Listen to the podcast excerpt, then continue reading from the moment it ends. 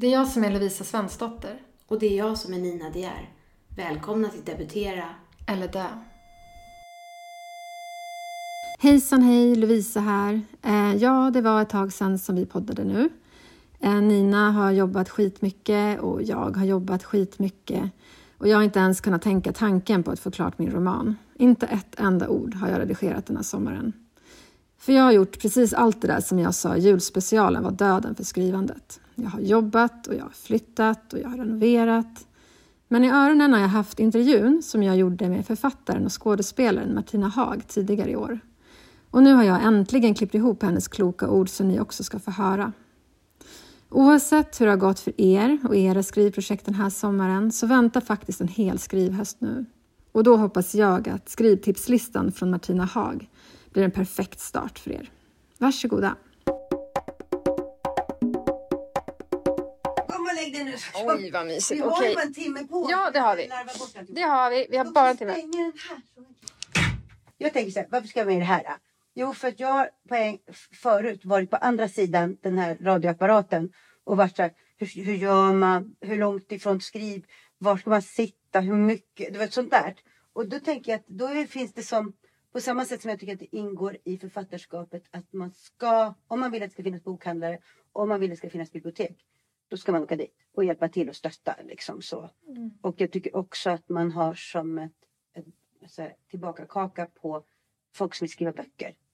Det, liksom, det ingår i mitt uppdrag som författare och, och hjälpa folk. Obs! Inte skriva folks bokidéer, för det får jag jättemycket. Så att de är så här, du får sätta dig i sängen, ska Ja. du stå som en lucia. Ja, men gud, jag bara fastnade helt i det här. äh. Nej, men så, för det är många som är så här, hej, eh, jag har en jättebra bokidé. Jag Kom lille bok. Bästa arbetsplatsen. Ja. Nej men att det är så att, att när, när folk vill att jag ska skriva åt dem. Det kommer jag aldrig göra för det hinner jag inte. Och jag behöver inte heller förslag från folk att jag ska skriva om dem. Men däremot det som jag tänker som ingår i mitt uppdrag som författare är att kunna liksom hjälpa folk som vill skriva. För att förr trodde jag alltid när jag var skådis att alla innerst inne ville bli skådisar. Men nu har jag fattat att alla innerst inne vill bli författare. Så att, Ja. och då tänker jag att, att då kan jag försöka dela med mig lite av det som jag har lärt mig under mitt skrivande. Liksom. Ja, men det tycker jag är jättesnällt av dig. Mm. Poppy, nu får du sluta slicka på micken. Hopp, lägg dig ner. Ligg, ligg. Mm, Gud vad mysigt tak Poppy. Men okej, kan inte du bara, jag vet att du kanske inte vill prata om ditt liv men du kan väl åtminstone bara eh, nämna vart vi just nu befinner oss. Alltså att vi är hemma hos mig eller vad? Ja, vadå? men bara att vi ligger här i din säng bredvid varandra. Jag menar, jag känner ändå att vi måste benämna det. Det här är faktiskt första gången som jag tagit in en journalist och lagt mig i sängen. Men det var för att det var så dåligt ljud ute Ja, i det var köket. riktigt dåligt ljud. Så just nu så befinner vi oss här i mitt sovrum. Eh, det är jag och så är det du och så är det en väldigt trevlig hund också Ja. för att maximera gulligheten. Verkligen. Är inte det här någon så här extra fluffig säng skulle jag säga? Ja, den är ganska Mm, fluffig. mm. Ja. Ja, jag uppskattar det här väldigt mycket med tanke på också jävla... När vi spelar in det här så är det snökaos i Stockholm. Fy. Och för några dagar sedan trodde alla att det skulle bli vår. Så det är inte bara att man fryser ihjäl utan man är också extremt besviken. ja, men vet du, Elinor, min jättesmarta kompis, hon Mm. sa att man glömmer att det alltid är tre bakslag på våren. Mm. Okej. Först är det så här, man bara Wow, vi tar ut utemöblen. Oj då, nu snöar det. Och sen Mm. andra gången så, wow, vi lägger båten i. Nej, och så tredje gången bara, mm, sandaler, jättedålig idé. Och sen Ah, okej. när man tänker så här, det blir ingen jävla sommar. Då. Då kommer det. våren. Och nu kom faktiskt solen in här genom Mm. fönstret också. Ja men gud vad skönt. Okej, men alltså då... tre bakslag och sen blir det sommar. Ja, och kanske när jag går härifrån så har det här helvetet förändrats. Det får vi det se. ser lite soligt ut. Ja, okej, men det är jättebra. Ja, alltså plats eh, eh, har vi Yes. sagt och personer har vi sagt och Yes. förutsättningarna har vi sagt. Vi ska ligga Ja. här i min säng och prata om skrivande. Ja, och det är då jag undrar, som eh, många andra gör, det är liksom så här, hur gör man när man skriver en bok, Martina? Mm. Det är, jag har faktiskt fått den frågan ungefär 450 gånger. Och jag har faktiskt skrivit ner den. Jag ska hämta den. Mm. För att det är det är en bra. to-do-lista. Ja men gud! Nu är vi igång. Nu är vi på banan. Men gud vad fint. Då har du ramlat ner här i sängen igen med en to-do-list. Men inte dumt. Alltså så här. Martinas Så skriver du böcker tipslista. Gud vilken dröm. Yes, jag bara lägger mig och blundar nu. 1. Sitt vid datorn en viss tid varje dag. Till exempel, nu ska jag sitta här mellan 8 och 10 och får inte resa mig från stolen. Under denna tid ska man ha bokdokumentet uppe på skärmen. Man får inte kolla mejl eller surfa. Och är det så att du tänker så här, nej men vad heter såna här hästar som har liksom extra mycket ludd på sig? Då vill man väldigt gärna googla. Och behöver man googla så ser man om man har fått ett sms. Du vet så. Så då skriver du bara så här, luddhästar. Och så får du kolla sånt sen. För du måste ha fokus på boken. För att det finns en inbyggd smitare i en. Särskilt om man sitter hemma och skriver. För då kommer man på så här, jo gud vad trögt det går. Jag, jag kan dra igång i tvättmaskinen så, eh, så sätter man sig igen. Och så, nej, jag, jag tar diskmaskinen. Och till slut har du så här, skrivit fyra bokstäver och kliniskt rent hemma.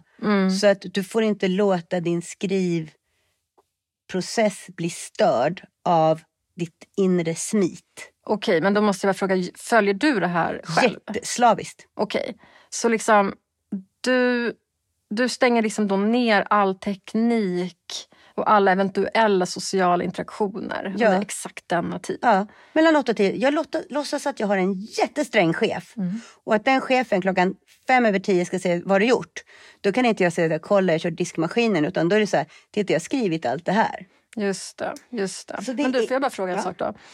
Eh, vad händer om barnen ringer mitt i det här? Ja men alltså, det, ja eller om det börjar brinna eller något sånt där. Men liksom annars fokus in i skärmen. Okej, men om barnen ringer och det börjar brinna då, då, finns, då finns det, då Då finns det lite så, marginal. så sträng är inte okej, chefen. att Ja, det- men det är bra. Ja. Och sen så, eh, två.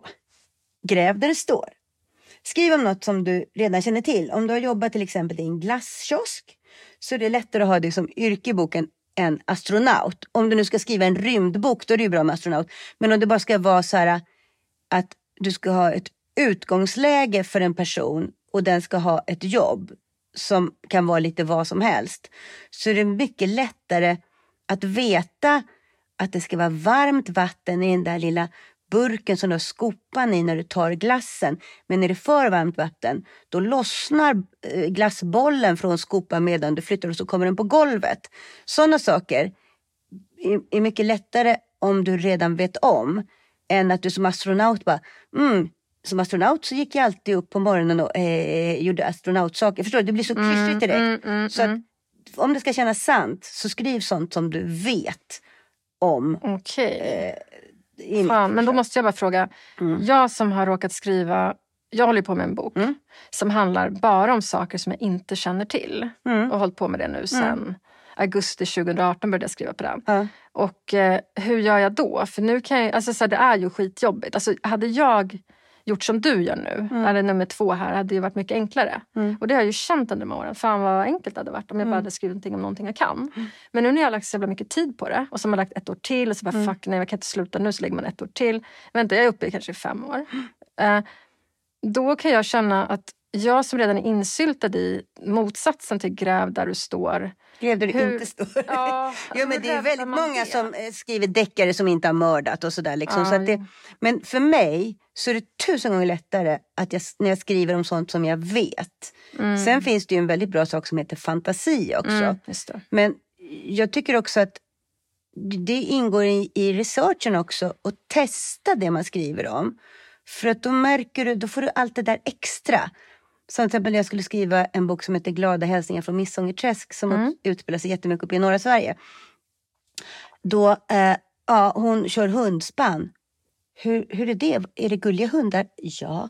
Va, hur luktar det? Vad låter? Hur, hur tjockt är snöret man ska hålla sig? Du vet sådär, allt sånt. Istället för att jag bara tänker, jo men så här är det nog att köra hundspann.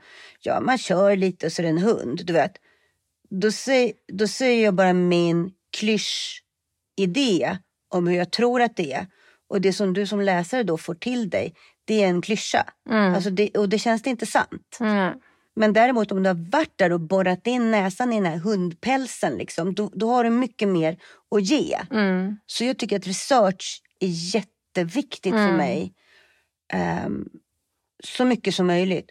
Och därför, just de här bakgrundsjobben, alltså om du ska ha så här, ja, Nisse Bengtsson på våning tre, Mm. om han ska ha ett jobb så tycker jag att det är lättare om jag vet hur det ser ut på hans arbetsplats till exempel. Mm. Och vad man gör när man är och så tar jag något jobb som jag själv har gjort. Liksom. Mm.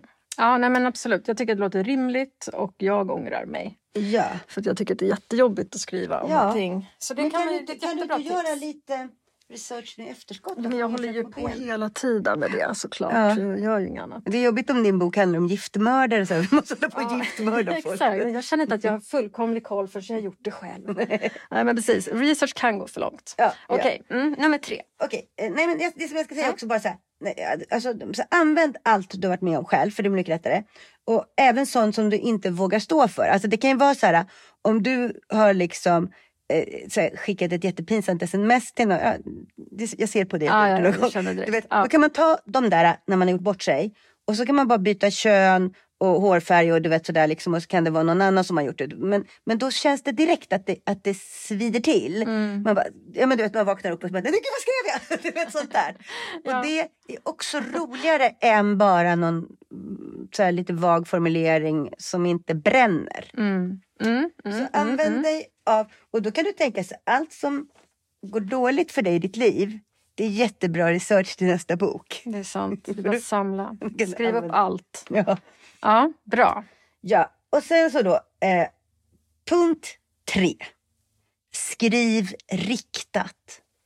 Alltså det är helt hopplöst att försöka skriva en bok som din pojkvän, din mormor, din mamma och bästa kompis kommer gilla. Att det liksom, om man tänker så här, jaha, vad, vad, vad tycker pappa om jag skriver en sån här scen? Du vet så. Man måste ta bort det. Och så, jag har alltid att jag ser ut en person som jag skriver hela boken till. För att man kan inte, you can't please them all liksom. Så att eh, jag har min lillasyster Bea som eh, jag vill att när hon läser så vill jag att hon ska skratta. Mm. Och tycka att det är kul. Liksom, Mm, mm, mm. Och Okej. där är ju också en eh, punkt fyra. Ja. Hitta en bundsförvant. Det är otroligt värdefullt att ha någon som du, om du hittar någon annan kompis som kanske skriver eller någon som du kan hjälpa med något annat. Någon som du litar på och som du tycker har ett bra omdöme. Och in, för att innan man håller på och blandar in förlägger och sådär, allt fram tills dess att man är på sidan 50 så är man så skör. Det är liksom är så här, när man är på sidan 4 och man bara känner sig gud, det behövs bara att någon öppnar fönstret så blåser alla papper iväg och så försvann Ja. historien. Och just det där, medan man skriver så söker man så mycket också. Vad, vad är det jag vill egentligen? Vad, vad är det jag försöker skriva om? Vad är det för något jag ska penetrera här och vad är det viktiga och vad är, vad är historien? Och då är det så skönt att ha, det som man tänker att man skriver då för den här bundsförvanten. Och sen att den kan läsa igenom och säga så här, jag fattar ingenting. På den här sidan är hunden blå och på nästa sida är hunden röd. Man, just jävlar, det måste jag ändra. Du vet så. Mm. Så att du har någon som kan läsa och stötta dig. Och så måste den personen säga något den inte fattar. Något om den har förslag på förbättring någonstans och något den älskar också. För man måste få berömmet hela tiden. Mm. För att det är som att du tar ut bebisen ur magen i tredje månaden och bara säger kolla jag har en bebis och de bara men gud den har ju inget hår. Man bara men den är bara tre månader det är klart den inte har hår. Så här, för att det, det är så, alltid så ömtåligt och ens skrivarglöd kan falna så snabbt om det är någon som är klumpig. Mm. Så du måste vara, du måste vara rädd om din skrev, skrivarglöd. Ja. Jo men det är viktigt. Ja. Ja. Eh, Så alltså hitta verkligen någon som man kan lita på. Ja, som, som, som, och också att man kanske kan göra något tillbaks till den. Eller man kan ju passa dens barn eller gå ut med hunden. Eller så. Ja. Men så att man kan hålla på och återkomma Mm. ofta. Mm. Utan att den andra blir galen på en. Så det bästa är ju om man har någon som också skriver. Som, som, som man kan hjälpa varandra och stötta. Mm. Och sådär. Mm. Så en bundsförvant, vad är vi på för siffra nu? Det Nu kanske- är det nummer fem, fem. nästan. Ja, fem är skriv stopp. Jag tycker kramp känns som att man bara, men däremot att man så här, att det tar stopp. Mhm. Eh, att man är så här, ja det här är bra, men det är bara 30 sidor. Det kan, jag måste ju, hur ska jag komma vidare? Du vet så. Att, man, att du ska öppna upp nya luckor i hjärnan. Och då är det just det för att försöka komma åt sånt som känns sant. Så kan du ta gå tillbaks till så här, pinsamma saker, läskiga grejer, du vet så. Mm. Eh, och bara koka om det så att du börjar en mening så här. Det här har jag aldrig berättat för någon. Mm. Och så skriver du den meningen, vad det nu är. Mm. Och så tar du bort starten och så byter du namn och kön och färg och plats och alltihopa Mm. så att det inte kan hittas att det är du eller något, du vet så. Mm. För då kommer du åt en kärna av sanning och så fort du gör det så kommer skrivglöden tillbaka. Okej, intressant. Men där på nummer fem så står det skriv och släng. Ja, men det var för att jag hittade på en till punkt mitt i alltihopa. För, jag kom på, jag för det här är en ganska gammal lista. Ah, okej, okej. Så egentligen, vi är på nummer fem och det finns sex på den här listan. Ja just nu, jag kanske Okej. kommer på flera. Precis, okej, okej, förlåt. Ja. Så nummer fem är skrivkramp Ja. och då är det lösningen. Ja, alltså sk- skriva sånt som gör ont på riktigt för då kommer det kännas på riktigt för den som läser. Ja. Och det river till lite i en själv också så man kommer igång Ja, så man, man, man kommer ur den där liksom. Det är ju så, det är så de, här, de få sekunderna per månad som det lossnar och man känner sig som ett geni. Mm. Det är ju så underbart. Vilket gör att man fortsätter och harvar och harvar och harvar och bara känner så här, vem fan vill läsa det här? Det är bara massa bokstäver på rad. V- Vem kommer vara intresserad av det? Usch, ja. Så att det, det är liksom, det är det, skrivsjälvförtroendet är ju en väldigt hal tvål. Mm. Så, som man liksom, ja. Mm. Där, nu kommer nu, Okej. punkt nummer sex. Yes. Skriv och släng. Där får jag ett sån kalkhår längs hela ryggen. Mm. Jag slänger aldrig någonting jag Mm. skriver. Jag bara behåller mer och mer. Alltså, Mm. Nu är jag uppe på 350 sidor i min bok här. Jag tycker att man ska tänka att det, är som att man ska koka en riktigt bra buljong. Men jag lagar aldrig mat. Alltså finns det någon mer liknelse? Ja, spela Tetris. Ja, jag vet inte. Nej men alltså så här, att du ska packa du, ska packa, du har för mycket kläder i en liten resväska. Mm. Du ska rulla allting och så packa, packa, packa. Och så finns det något, kan jag slänga de här, de här strumporna behöver jag inte ta med. Så packa, packa. Så att du, Mm. att du liksom, om du gör en, en, bra fond så har du ju massa grönsaker och grejer så här, och så vätska och så kokar du ner och så pressar du till, så att det, liksom, det ska bli mindre och mindre blaskigt och mer och mer smak. Mm. Jag tycker att många författare ser inte hur babbligt de skriver. Mm. Att det är, det är liksom en sida, det skulle ha räck- räckt med en halv sida. Och är det för mycket ord så blir det som att man tappar handlingen. Alltså det, blir som, det, är, det är så mycket bokstäver så att jag ser inte vad det handlar om. Så jag tänker, det var någon som hade sagt så här, det som går att stryka ska strykas. Mm. Så jag tycker mycket så här, skriv och släng och det är också en del av processen för mig. Alltså jättemycket för mig. För jag skriver liksom nio böcker och behåller en tionde. Aha. Så alltså jag skriver och skriver och skriver och slänger, skriver och slänger. Och, och, och sen har jag också då att jag skriver för Bea, min syster. Mm. Och hon, där kan du prata om stora slä... Alltså hon, hon stryker allting. Hela tiden. Så jag bara, men någonting, någonting får väl vara kvar. Hon bara, det är tråkigt, det är tråkigt. Ja. Bättre kan du, bättre kan du. så. okej. Det är en ganska hård bundsförvant. Ja, väldigt hård. Men vi har ju också utvecklat, vi har ju hållit på i vadå, 15 år Mm, nu liksom. mm, sådär. Och eh, hon vinner ju Augustpriset för sina böcker och jag Mm. får ligga i den här sängen Ja, med dig. med så mig, att vi ja. har ju bägge pikat totalt. ja, men precis. Ja. Ja, okej. Mm. Så att eh, sen, ja, nu har jag en, vad är vi på för siffra nu? Nu är vi på nummer sex och nu ska du hitta på nummer sju. Ja, nej men alltså så här. En väldigt viktig del för mig också är läs högt för dig själv. Ja.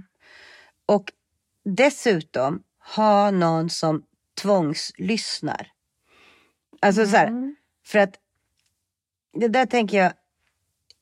Som nu så eh, var jag ute och reste. För, för mig att resa bort och skriva är det bästa. Ja, gud vad underbart det låter. Ja, just det där att för att även om du är hemma och kört iväg alla barnen och, och låst dörren och, och du vet sådär och ska skriva de här två timmarna. Då kommer alltid någon sotare eller någon grann. Du vet sådär. Absolut. Så att om man kan åka bort och skriva, för, då blir det ännu mer fokuserat för mig också. Mm. Så nu så var jag bortrest en vecka, men, men då hade jag med mig några kompisar. Och, men då hade jag så här, när jag började jobba klockan åtta, så här, min jättestränga chef säger att jag ska jobba mellan åtta och sex. Så vi hade måltiderna tillsammans. Men sen så hade jag mina skrivpass som var liksom heliga. Mm. Men sen på kvällen innan vi skulle gå ut och käka middag. Då fick de sätta sig så här, med ett glas vin och så läste jag allt jag hade skrivit. Alltså, För dem. allt du hade skrivit den dagen? Nej, nej vi läste, jag läste kapitel, alltså du vet så. Men jag tog mig igenom hela boken. Mm. För då vet jag så här, ja de kanske tycker att det är lite tråkigt men de har i alla fall vin. och sen också att jag hör ju direkt. För att om jag läser för mig själv, då bara så här. Men om du läser för någon annan som lyssnar.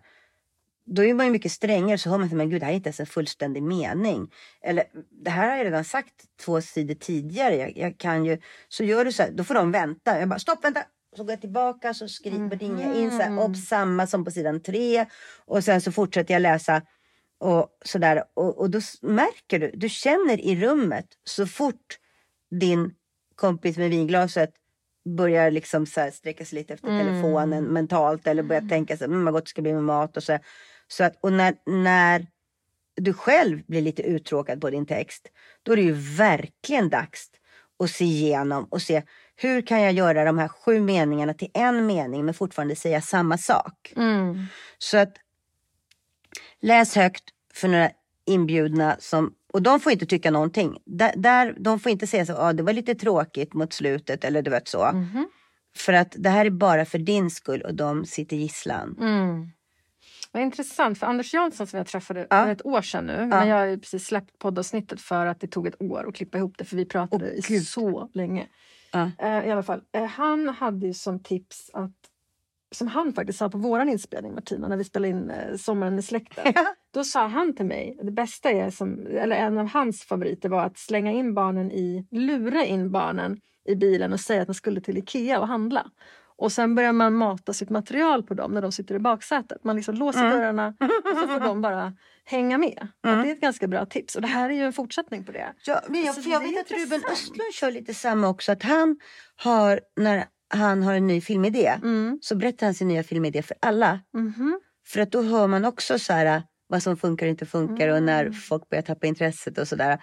Annars kan man ju vara lite rädd om att man säger, ja men om jag berättar min nya bokidé för sju personer då kanske någon tänker jag kan nog skriva något liknande och så har någon Mm. plötsligt tagit det. Men, Nej, men tror- också tänker jag som grej där att man kan prata sönder en idé. mm, nej. Nej.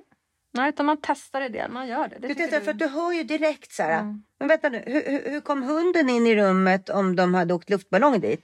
Just det, ja, hunden måste åka en egen luftballong. Du vet sådär. Mm. Att det där är, och, och jag kan också märka när jag drar pitchen. Så ibland har jag inte tänkt klart. Men medan jag berättar så hittar jag på fortsättningen som blir en bra brygga till fort... Förstår du vad jag menar? Mm. För att det, och ibland så kan det vara bra att spela in det när du kör. Mm. För så kan man säga, fan jag, jag fick ju till det så bra när jag berättade för henne. Du vet, och då kan du gå tillbaka och lyssna på din inspelning. Hur det var du formulerade. Mm. Just det. Det är smart också. Ja. Och sen punkt nummer Åtta blir det nu. åtta. Rör på dig. Åh, det är också en grej jag verkligen inte gör. Okej, berätta. Ja, alltså så här, om jag ska ha mitt perfekta åka bort och skriva schema. Mm. Det är Först går du upp och så sticker du ut och springer eller tar en promenad Yes. i liksom typ gympakläder. Så att du Mm. får upp Det här lite- gör du först, alltså när du går upp på Allra morgonen. först, innan frukost. Ingen, alltså du får dricka ett Mm. glas vatten, sätta i linserna. Sen bara. Så går du ut, gå, gå, gå, gå, gå, gå. Sen kommer du tillbaka och så får du äta frukost. Då är liksom kroppen igång och hjärnan igång och du har fått bensin. Sen sitter du och skriver mellan 8 och 10 eller 11 och 12, vad du nu har för liksom. Och det här, du skriver upp det innan. Så du får inte vara så här, nej men jag börjar väl om ett litet tag. Utan det ska vara så här, bing! Nu börjar skrivtiden. Du vet så, så att den är helig. Mm. Och då sitter du och skriver och kommer du inte på någonting så sitter du kvar. Och i värsta fall så kan du prova lite så här, det här, det här vill inte jag att ni ska veta om mig. Eller att du tänker okej vad gör ont? Mm. Vad, vad liksom är så här, eller vad, vad har jag gjort för research som man kan använda och fylla på? Ibland så är det att man bara kan sitta och byta förnamn på alla. Men det, du ska sitta kvar. Och du får inte resa dig upp förrän nästa klockslag. Så då har jag först ett fyspass, alltså röra sig på någon vänster. Yes. Och sen skriva. Yes. Och sen är det lunch. Yes. Och sen skriva två timmar igen. Ja. Och sen har du en timme där du får göra något mysigt. Mhm. Till exempel om du är utomlands så får du sola den timmen. Eller om du bor på hotell så kan du få gå ner i spat en timmen eller läsa en bok eller vad, alltså någonting annat som, som är belöningen. Och sen efter det så är det skriva, men då bara en timme för sen mosar jag igen totalt. Mm. Jag funkar bara i dagsljus. Så fort det blir lite mörkt så måste jag gå och lägga mig. Ja, jag förstår. Men där är vi lite lika. Ja. Eh, det håller jag med om. Det, är, det tar slut där. Mm. Ja, just då. Använda morgonen helst. Det är trevligt. Men Ja. där är man olika. Det är helt En olika. del är ju absolut. jättebra mellan så här 12 och 1 på natten. Men jag är precis tvärtom. Ju tidigare, så, så här, ju krispigare hjärna desto bättre författare. Mm. Men du känns ju otroligt pigg. Alltså jag, nu ligger vi i den här sängen och jag älskar det. Och jag känner bara att jag faller mer och mer i någon slags totalt lugn. Och du pratar väldigt snabbt och är väldigt alert här. Ja. Är du en väldigt pigg person skulle du säga? ja, så länge det är ljust ute. Mm. Så fort det liksom, jag är som en slags omvänd uggla. Vad är jag då? En tupp. Ja. Alltså, så fort det blir ljust så sätts alla motorer i hjärnan igång. Intressant. Och så fort det blir mörkt så blir jag så här. Så vinterperioden är ju mycket kortare. Just det, såklart.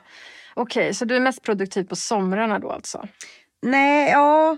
Fast då, på somrarna, det, där, är, där finns det ju, då drar ju båtåkandet Mhm, i mig. mhm. Jag tycker ju så himla mycket om att åka båt. Nu, punkt nummer Nio. nio. Mm. Vad ser du? Mhm.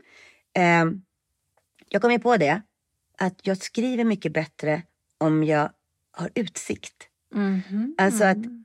att om du sitter och skriver och har precis framför dig en dator och bakom datorn är väggen. Då är det så här, en, Mm. en vägg, en mur.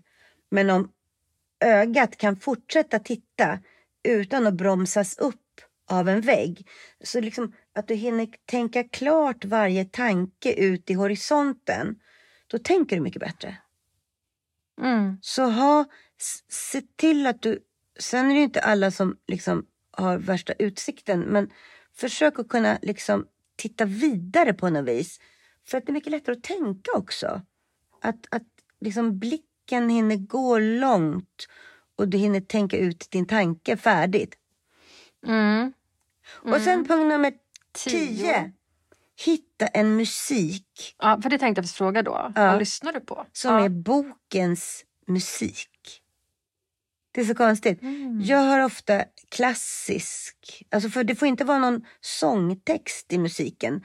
För om du liksom sitter och skriver så är det någon som säger så här It's raining men. Man bara, jaha gör det det? Utan du måste ha, du måste ha liksom eh, orddelen av hjärnan måste få vara intakt. Men däremot, det som är häftigt, det är att om du har en musik som du alltid lyssnar på, till exempel min senaste bok, då hade jag Mozart. Så lyssnade jag på Mozart, Mozart. Och då var det som att jag bara, så fort jag började höra Mozart så kom jag in i skrivmodet direkt. Mm. Jag kom på en punkt till. Mhm, Men då är det nummer 11. Punkt nummer 11. Sluta mitt i. Mhm. Det där kan också vara om du har jättebra flow och du bara känner så här, "Åh, jag får till det och bara skriver och skriver och skriver, skriver sen till slut är det så här, "Eh, nu måste jag gå och äta eller nu måste jag så här. Och sen kommer man tillbaka man bara, nej, jag har tappat det. Åh, min, den där glada glöden, den har försvunnit. Och då är det så för att ofta så avslutar man, du vet så här, och tack och jag sa hej då och så tog hon sin hund och gick. Punkt. Mm. Och så kommer man tillbaka och bara, okej, vad händer när hon har gått då? Men däremot om du är mitt inne i det, så att du är så här, vad heter hunden frågade jag. Den heter, så slutar du där istället. Mm. Då, kan du, då kommer du direkt in i historien och fortsätter, den heter Bruno. Alltså förstår du? Det är roligare Så- att sätta igång. Ja, du, och du har också en automatisk uppstampsbräda. För du vet precis var du ska fortsätta någonstans. Mm. Så att slutför inte ett helt kapitel utan sluta mitt i. För då är det inget svårt att fortsätta skriva. Mm. Men hur gör du när du skriver? Alltså, Börjar du från början och så skriver du mot slutet? Eller Nej. håller du på i mitten och Jag, jag och... flyttar runt och hoppar hit och dit. Och, och du vet sådär, när jag skrev underbara skrev alla skriva slutet först. Mm. Så tänkte jag så här, hmm, vad kan leda fram till det här roliga slutet? Hur kan jag komma dit? Ja. Så. Det där är jätteolika. Och, och jag har ju försökt så många gånger att skriva om flera personer, parallellhandlingar. Alltså för det var som en tv-serie. Mm. Då är det så här, först är det hemma hos detektiven. Sen får man vara hemma hos mördaren. Sen får du vara hemma hos offret. Du vet, sådär. Så du kan hoppa hela tiden. Mm. Mm. Och kunna skriva på det sättet är ju mycket lättare. För att då, annars måste du hela tiden hålla kvar en spänning eller en stämning eller något som gör att man vill läsa vidare. Mm. Men om du kan vara, sluta upp i så här, vad detektiven inte visste var att, du vet så. Mm. Då, då fortsätter man ju läsa, det finns ju cliffhangers, det finns ju, Mm. men jag, det är helt omöjligt att skriva om fler personer än en i Jag taget. Jag, det. alltså jag har försökt hundra gånger. Och som nu, min senaste bok nu som kommer, som heter Från och med nu. Jag började skriva om två personer. Jag tänkte det skulle vara 50-50. Och sen blev det 60, 40, 70. Alltså du vet sådär. Så en av huvudpersonerna fick bli en liten, liten, liten bifigur. Mm. Sådär. Så att det, jag kan ju ha en plan vad det ska handla om. Men jag har inte gjort sådana här skelett som många författare gör. Nej. Att det är så här, först så ska de gå till ICA. Sen ska de gå hem och laga mat. Du vet så. Utan jag tycker också det är spännande att se vad som händer. En tips nummer Mm. Det måste vara 12 nu. ja, tips ganska mycket. Eh, ja, men så här, tänk ut dina karaktärer så mycket det bara går. För att om du vet att hon gillar hundar och är höjdrädd och du vet sådär. Så börjar de leva sitt eget liv när du skriver. Mhm. Så att Mhm. ta varje person i boken och ge en liten bakgrundshistoria och vad de har för drivkrafter. Och, du vet, och det kan ju ändras sen efterhand. Men det är mycket roligare att skriva dialog och så här. För då vet man så här, han blir alltid irriterad när hon ska börja med det här. Du vet, så, här så att du har det så, så mer preciserat som möjligt. Desto lättare är det att veta hur de funkar. Och det allra bästa, det är när man har skrivit och så plötsligt är det så här som att du tittar upp från datorn och bara Gud, det har gått, det har gått en halvtimme och jag har bara varit inne i skriv. Alltså man, Mm. man blir ett med underbart. boken. Det är underbart. Det är det bästa. Och då, magiskt. då är det nästan som att man får scrolla tillbaka och tänka, varför har jag skrivit? Mm. Så man, gud vad bra det blev. Du vet sådär. Ja. Och, och för att komma in i det där flowet så är det lättare ju mer du vet om personerna, om vad de har för liksom vad de gör på dagarna eller vad de jobbar med, hur de jobbar när de jobbar med det. Hur, vad, liksom, eh, vad de gillar och inte gillar och hur de pratar och sådär. För då, då är det liksom är det som att då sitter man bara på stolen och låter dem göra jobbet och man bara hänger med med fingrarna. Ja, men och den här bakgrundshistorien som du tänker i, den Mm. har du själv i ditt huvud. Det är ingenting du skriver ner i boken eller? Nej, det, alltså det är lite olika. Ibland blir det sådär att man skriver liksom alldeles för mycket av researchen i boken. Det är Mm, en sån sak som man ska tänka sig. Vänta nu, är det här handling eller är det bara research? Är det här information till mig? Eller det, behöver läsaren läsa det här också? Mm. Och det där får man ju stryka efterhand. Så det där är lite olika. Ehm, för att det där är så speciellt. Jag hörde på, jag var på en sån här bokens dag. Då är det lite olika författare som man åker ut i landet någonstans och, och så får man prata om sitt skrivande på scenen Mm. och sin nya bok och så, alltså signering efteråt. Jättetrevligt. Så brukar man äta middag ihop alla Mm. efteråt. Och då var det Claes Östergren som berättade hans debutroman. Eh, hade han pratat om på scenen. Och sen så kommer det fram en man efteråt och säger så här. Spännande du med det här hälsosällskapet i Gamla stan. Det var inte så många som kände till det. Nej, ja, tänkte han så här. Ja, just det, det har jag skrivit om. Så och att vi hade den här skarfen, vårt hemliga tecken. Att det hade lis- liskat ut det också. Ja, absolut, säger han. Så går han tillbaks i boken och börjar leta. Han inte skrivit om en skarf någonstans. För läsaren lägger till så himla mycket. För läsaren fyller upp. Det är det som är så roligt. För med boken så öppnar du upp delar i huvudet på läsaren. Och så fyller läsaren på med sig själv i boken. Mm. Så att det finns liksom en medförfattare av boken och det är läsaren. Just det. Förstår du? Ja. Och då ska man inte ge dem allt för mycket för de måste få plats att fylla på själva också. Men det där är ju så svårt. Det där är ju svårt när man har ett jätteresearch-tungt ämne och man bara, ah, jag kan det här, jag Mm. kan det här. Som författare, man vill visa hur mycket man kan. Alltså, Ja. Det är ju extremt fåfängt. Men jag menar, det är lätt att man hamnar där. Och hur liksom ska man kunna lita på att författaren medförfattaren då, alltså läsaren, Mm. gör det här jobbet? Alltså Mm. hur vågar man släppa, släppa någonting till en läsare? Man ska inte underskatta läsarens intelligens. Men Nej, de är troligtvis egentligen klokare själv. Ja. Men, men sen får man också tänka om, om, du skriver om så flyktingpolitik och sådär. Då, då är det ju ändå viktigt att man följer med. Så att, så att det inte är så här, ja och siffrorna för det här, det vet ju varenda människa. Man bara, nej det vet jag faktiskt inte, vadå för siffror? Du vet så. Men då istället för att du kanske ska rabbla det så kanske Nisse Bengtsson kommer förbi och säger, ja här är senaste rapporten med siffrorna. Du vet så. Så att du kommer in lite så här från sidan. Så att det inte blir så skriva på näsan. För att man vill ju ha lite så här, ah, hur ser den här personen ut? Vad, hur, är den som, liksom, hur funkar den på, i vardagen? Vad har den för drivkrafter på jobbet? Vet så.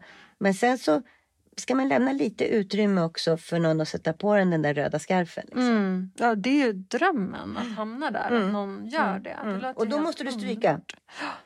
Okej, mm, och det är där bundsförvanten kommer in då? Ja, och också den här sägningen. Allt som går att stryka ska strykas. Just det. Ja. ja, det var ju en redig lista. det låter ju väldigt enkelt. Nej, det är jättesvårt. Och det där är så konstigt. Ja, punkt nummer Ja, nu blir det ju 13. Ja. Det är inte lätt för de andra heller. Alltså jag tycker så här, när man träffar så här Marie Ljungstedt och sådana så bara, det bara kommer bok på bok på bok på bok. Och man tänker så här, ja det är så lätt för henne. Hon bara sätter sig och skriver. Så är det inte. Alla kämpar som djur.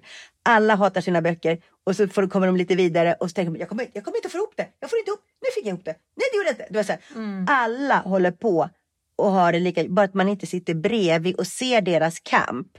För att skriva böcker är någon slags konstig kamp. Och det är tur att det är så kul när det väl funkar. För så otroligt mycket så här, självhat och att man tänker jag har tappat det, nej, det blir inga mer böcker och du vet sådär. Man, man pendlar mellan det där och sen när den äntligen är klar så man orkar nästan ens titta på den för man har på så jävla mycket och jobbar så otroligt mycket med den. Så att, för jag märker så här, när jag är på bokmässan då brukar jag ha som ett litet eget så här, försäljningsställe. Så här, och, och när folk kommer fram, alltså jag blir, för varje år så blir jag sämre och sämre. För de här, Jaha, du har skrivit lite böcker? Ja, ja, det har jag. Jaha, eh, vad handlar den här om? Jag säger bara, läs på baksidan. Jag orkar liksom inte hålla på och gå in i det och, och berätta. Du vet, sådär. För jag är så trött på dem. Så... Och sen efter några år då liksom kan man börja ta dem till sig igen. Men när de väl är, när de väl är färdiga, de har ju hållit på och jobbat. Och alla författare har det så. Det jag har inte träffat en enda författare som säger nej men det är jättelätt och jag har aldrig ångest. Har jag aldrig träffat. Jag, ja, punkt nummer Eh, 14. 14. Omfamna ditt dåliga självförtroende. Det är en väldigt bra, det är ett jättebra arbetsredskap. Det här, men vänta nu, är det bra det här? Och så läser man igenom, hur kan jag få det bättre? Att man hela tiden ska försöka vässa sitt skrivande. För om du bara satt och var nöjd, då skulle det inte bli någonting. Då skulle det bara bli så här blaj. Om man tänker, gud vad bra jag är. Och det här är också bra. Mm, och det här, titta här är jättemånga bokstäver. Du vet så. Utan hela tiden läsa igenom så här, är det här verkligen det bästa jag kan? Kan jag inte bättre? Kan jag inte formulera mig lite smartare? Kan jag trycka ihop texten så att den inte blir så babblig? Du vet så. Så var inte rädd för att du har skrivångest. Utan tänk så här, vilken tur för mig att jag har skrivångest för då blir det bra. Mm. Fan, jag känner ju sällan skrivångest. Och det är nog väldigt dåligt. Ja, du måste ha lite mer skrivångest. Och du kan jättelätt få skrivångest om du läser högt för någon som du är lite blyg Ja, för. det är ett jättebra tips. Ja, Ja. för då, hör, då känner du så att det här är inte inte Nej, men precis. Och då kommer du börja stryka. Det skulle jag nog verkligen känna om jag Mm. högt för någon. För nu känns det ganska så här, ja, ja vad fan så farligt är det inte. Nej, precis. Det är good Så, enough. så, men, liksom. ja, men det, det, det, det, det, är det, där är farligt. Det ska inte vara good enough. Utan det ska vara så här, jag, det här är det bästa. Bättre kan det inte bli. Det är så du ska tänka. Ja, men det är ett jätte, jättebra tips. Faktiskt för en gång så hade jag att jag skulle läsa högt ur texten. Mm. Och jag skriver ju om eh, några flyktingar som kommer från Syrien. Mm. Och just i det här sammanhanget så var det en hel del så här, eh, andra generationens invandrare som också var författare. Ja. Och alla skulle läsa högt ur sina böcker. Och det hade tidigare på dagen varit ett samtal om varför är det så få invandrare eller andra generationens invandrare som överhuvudtaget hamnar på till exempel sådana folkhögskolor som vi var Mm. på med skrivinriktning. Mm. Och jag hade såklart gått där och eh, de hade gått där och det var en stor debatt om det och sen skulle jag då upp och läsa om hur det är då att vara invandrare. Och jag är då vit medelklass. Mm. Och jag bara satt där medan de andra läste upp sina texter satt jag bara skrev om Ja, min Precis, text. ja, och då var det inte good Ja, enough. Utan då var det så här, kan det bli bättre? Ja. Ja, då tycker jag att du till nästa gång vi ses Mm. ska ha läst din bok högt för någon som du respekterar. Mm. Ge den ett glas vin så har den något Mm. att göra om den sitter och plågas. Och bara det här att du börjar tänka på vem du ska bjuda kommer göra att du kommer skriva om din bok ganska Mm. mycket innan du ens har kommit dit. Liksom. Precis. För att det Ja. måste vara riktigt jävla bra. För att kunna se den i ögonen efteråt så Ja. måste man verkligen skärpa sig. Ja, Och sen kommer det ändå vara så att man känner oh det här har jag inte fått till. Men då markerar du bara så att, att det här, du måste stryka och göra om det. Tills du känner så här, nu kan jag lämna det till en förläggare. Mm. Okej, men där då? För där kan jag känna också så här, nu när man har hållit på i fem år med samma bok. Mm. Jag vill ju bara skicka iväg det här till förlag för nu orkar Mm. jag inte längre. Nej. Vad ska man göra då? Ska man stoppa sig själv? Ja, verkligen. Ja, okej. Absolut. Du ska, du, alltså, att få en förläggare som vill ge ut ens bok. Man kan inte tänka så här, ja men de ser mellan raderna att det här kommer bli bra. Någon annan kan hjälpa mig att stryka ner. Nej, det, det, är, liksom, det är en jävligt seg del av författarjobbet. Att se till att det är skitbra, för det är Mm. ditt ansvar. Okej. För jag har ju precis gått Monica Fagerholms Mm. hemliga skrivskola Mm. nu. Och så fick jag massa feedback. Och så kände jag så här nu när jag skulle ta tag i den där feedbacken. För Monica sa så här, jo men alltså du är väldigt nära nu Mm, Lisa. mm. Och då så satt jag idag och skulle, ja men nu ska jag gå in i det här igen och bla Mm. bla. Och så bara kände jag när jag satt där med alla post-it-lappar och alla de här äh, ändringarna som jag vill göra men som jag inte riktigt orkar. Så bara skrev jag till henne, kan jag inte bara skicka till förlag som det är? Istället för att börja ta tag Ja, i det. exakt. Och där är lathetsgrejen. Ja, det är Du lat. måste ha en strängare chef Mm, inuti dig. mm, jag kan ju kolla om Monica har svarat nu. Det är mycket möjligt att hon har, att hon har det. Eller så Men hon, hon kanske inte är lika sträng som jag, för jag är jättesträng på det där att du gör din del av jobbet. nej, hon, hon har däremot ignorerat mig. Det är för att också hon, är bra. Då, ja, men då är hon trött på dig. Ja. Det är så här, vad fan, gör din del av jobbet. Gör punkt. det. Exakt. Nej, men det är ju helt rätt. Ah, Okej, så man ska absolut inte tro att ett förlag är redo för ens text om man själv är trött på den. Nej, man... om du är trött på den, Ja. hur trött tror du inte att det är en förläggare som läser? Lä, alltså förstår du hur mycket? Du vet, när jag kommer upp på Piratförlaget, det är från golv till tak manus som fo- folk har skickat in. Mm. Och varje som har skickat in har försökt göra sitt allra bästa. Och så kommer du och har inte riktigt orkat. Vem är det de ringer tror du? Mm, nej, men det är helt korrekt. Okej. Ja, men då får jag bara fortsätta igen in i det där. in i det och se nu till att hitta en ny angreppsriktning. Alltså så här, okej vad har jag inte gjort hittills? Du har inte gjort, jo du har gjort research. Mm. Så du bara donar om det är Mm. bra. Du har eh, inte tagit dit någon, du har inte läst högt för dig själv. Nix. Du har inte läst högt för någon du respekterar och är lite rädd för. ja men det tror jag, nästa, det tror jag att är, Ja. nästa, är nästa grej. Ja, för att, sen undrar jag också, så här, för nu till exempel under den här äh, slutinlämningen och slutresponsen så var det liksom så här, ja, men det är några specifika spår nu som jag ska äh, få in i texten. Mm. Till exempel typ, ja vad är det ens? Ehm, ja, men till exempel få skapa ett lite mer myller i den här byn det handlar om. Mm. lite olika ganska specifika saker. Mm. Hur gör du om du sitter med ett ganska färdigt manus Mm. och så ska du få in olika olika, säg strössel, du ska Mm. strössla det Mm. här. Hur Mm. bär du dig åt då? Jag sätter mig någonstans där jag inte blir störd och så printar jag ut det i pappersversion. Yes. För att när det är så, så att du har typ 200 sidor papper, då känns det verkligare än att det bara är på en skärm. Mm. Så sitter du med papper och penna, ostörd, lyssnar på den här musiken du ska. Mm. Och så går du igenom, så kan du markera. Och så gör du hundöron, så här, viker. Här skulle du kunna komma in, här skulle du komma in. Här, om du ska in på tre ställen eller så. Och sen ska du portionera ut vad det nu är, om det, liksom vilken information som ska ut. Men skriv ut det Mm. och, ha, och skriv ut det på så här, stackars träden men ändå att du inte har på bägge sidorna utan du har så att du kan göra anteckningar också. Mm. Mm. Så att man inte så här, "Åh, det har varit framsida bak. Du vet, så här. Mm. Numrerat är viktigt också. Ja, ja läget, för att annars är man så vänta nu var det, var det före eller efter? Ja man tappar bunten då är det ju kört. Det är Liksom. katastrof. Ja. Nej men precis. Printa ut, Mm. sitt med skiten Mm. och liksom Och från läs början högt. till slut då tänker du? Ja, eller? läs högt. Mm. För att, här, om jag vore din jättestränga skrivchef då skulle jag säga så här.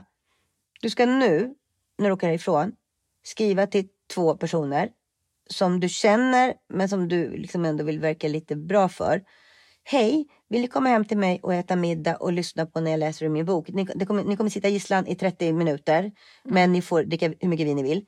Eh, ni behöver inte komma med någon feedback eller någonting, men jag behöver verkligen bara någon som kan sitta och lyssna när jag läser högt. Alltså jag kan inte tänka mig något värre. Jo, ja men det det måste du göra. Och sen så, bara det att du har bjudit in dem och satt ett datum kommer göra att du tittar på din text med mycket strängare ögon. Så den kommer vara mycket bättre redan när de kommer hem till dig. Och medan du läser högt, då får du säga så här, jag kommer, jag kommer stanna hela tiden så fort jag känner att jag måste ändra något. Så får du bara markera. Och då är det också bra att ha det i pappersform för att du kan ringa in eller bara. För att det är svårt att skriva, om det är så här, det här var slarvigt formulerat, då är det svårt att vara så här, mm, hur ska jag få, utan du skriver bara slarvigt. Du vet så, så får du gå tillbaka sen och se, okej hur kan jag ändra den här formuleringen till lite bättre? För att sen ska du fortsätta läsa. Och du kommer inte hinna läsa hela boken för det, det är liksom inte, det är plågeri för de som ska sitta där. Men om du har en halvtimme och så liksom, Ja men precis, för vilken del ska man läsa? Gör du så här med alla möjliga då? Så först Mm. bjuder du in några som får lyssna på inledningen Mm. och sen bjuder du in några dagen efter som får nej lyssna men det på... här är så bra om man åker iväg med kompisar. Mm. För då har man ju varje kväll lite högläsning. Så, eh, så tar man sig igenom hela boken till slut. Shit, men hur korta och långa böcker skriver du? Nej, men jag, jag kommer nästan aldrig över 200 sidor. Nej, men För jag bra. stryker så mycket. Mm. Du kör den ja. Ja, Mm. strykfesten. Ja men fy fan vad bra. Känner du att du har fått lite tips ja det nu? har jag verkligen. Jag har, fått lite, jag har blivit lite utskälld också på ett positivt sätt. Jag kan ju försöka radera det här äh, meddelandet som jag skickade till Monica Fagerholm tidigare om inte hon hunnit läsa. För det var ju ett dåligt... Ja, Ja. Ehm, ja, nej, men det känns ju fantastiskt. Tack. Tack. Jag är också trött. Alltså så, jag blir trött av alla ja, men det är för att du gör, ligger ner och gör en intervju Ja. med en gosig hund. Ja, det här är underbar Mm. stämning faktiskt. Ja, men jättebra. Ja, men jag, Martina, jag är, jag är jättenöjd. Jag Ja, kan bra. tänka mig att det går att, få ut mer av en och samma gäst på, på det här viset. Ja. Ja, men tack Martina, din lilla rackare. Tack för att du kom hit.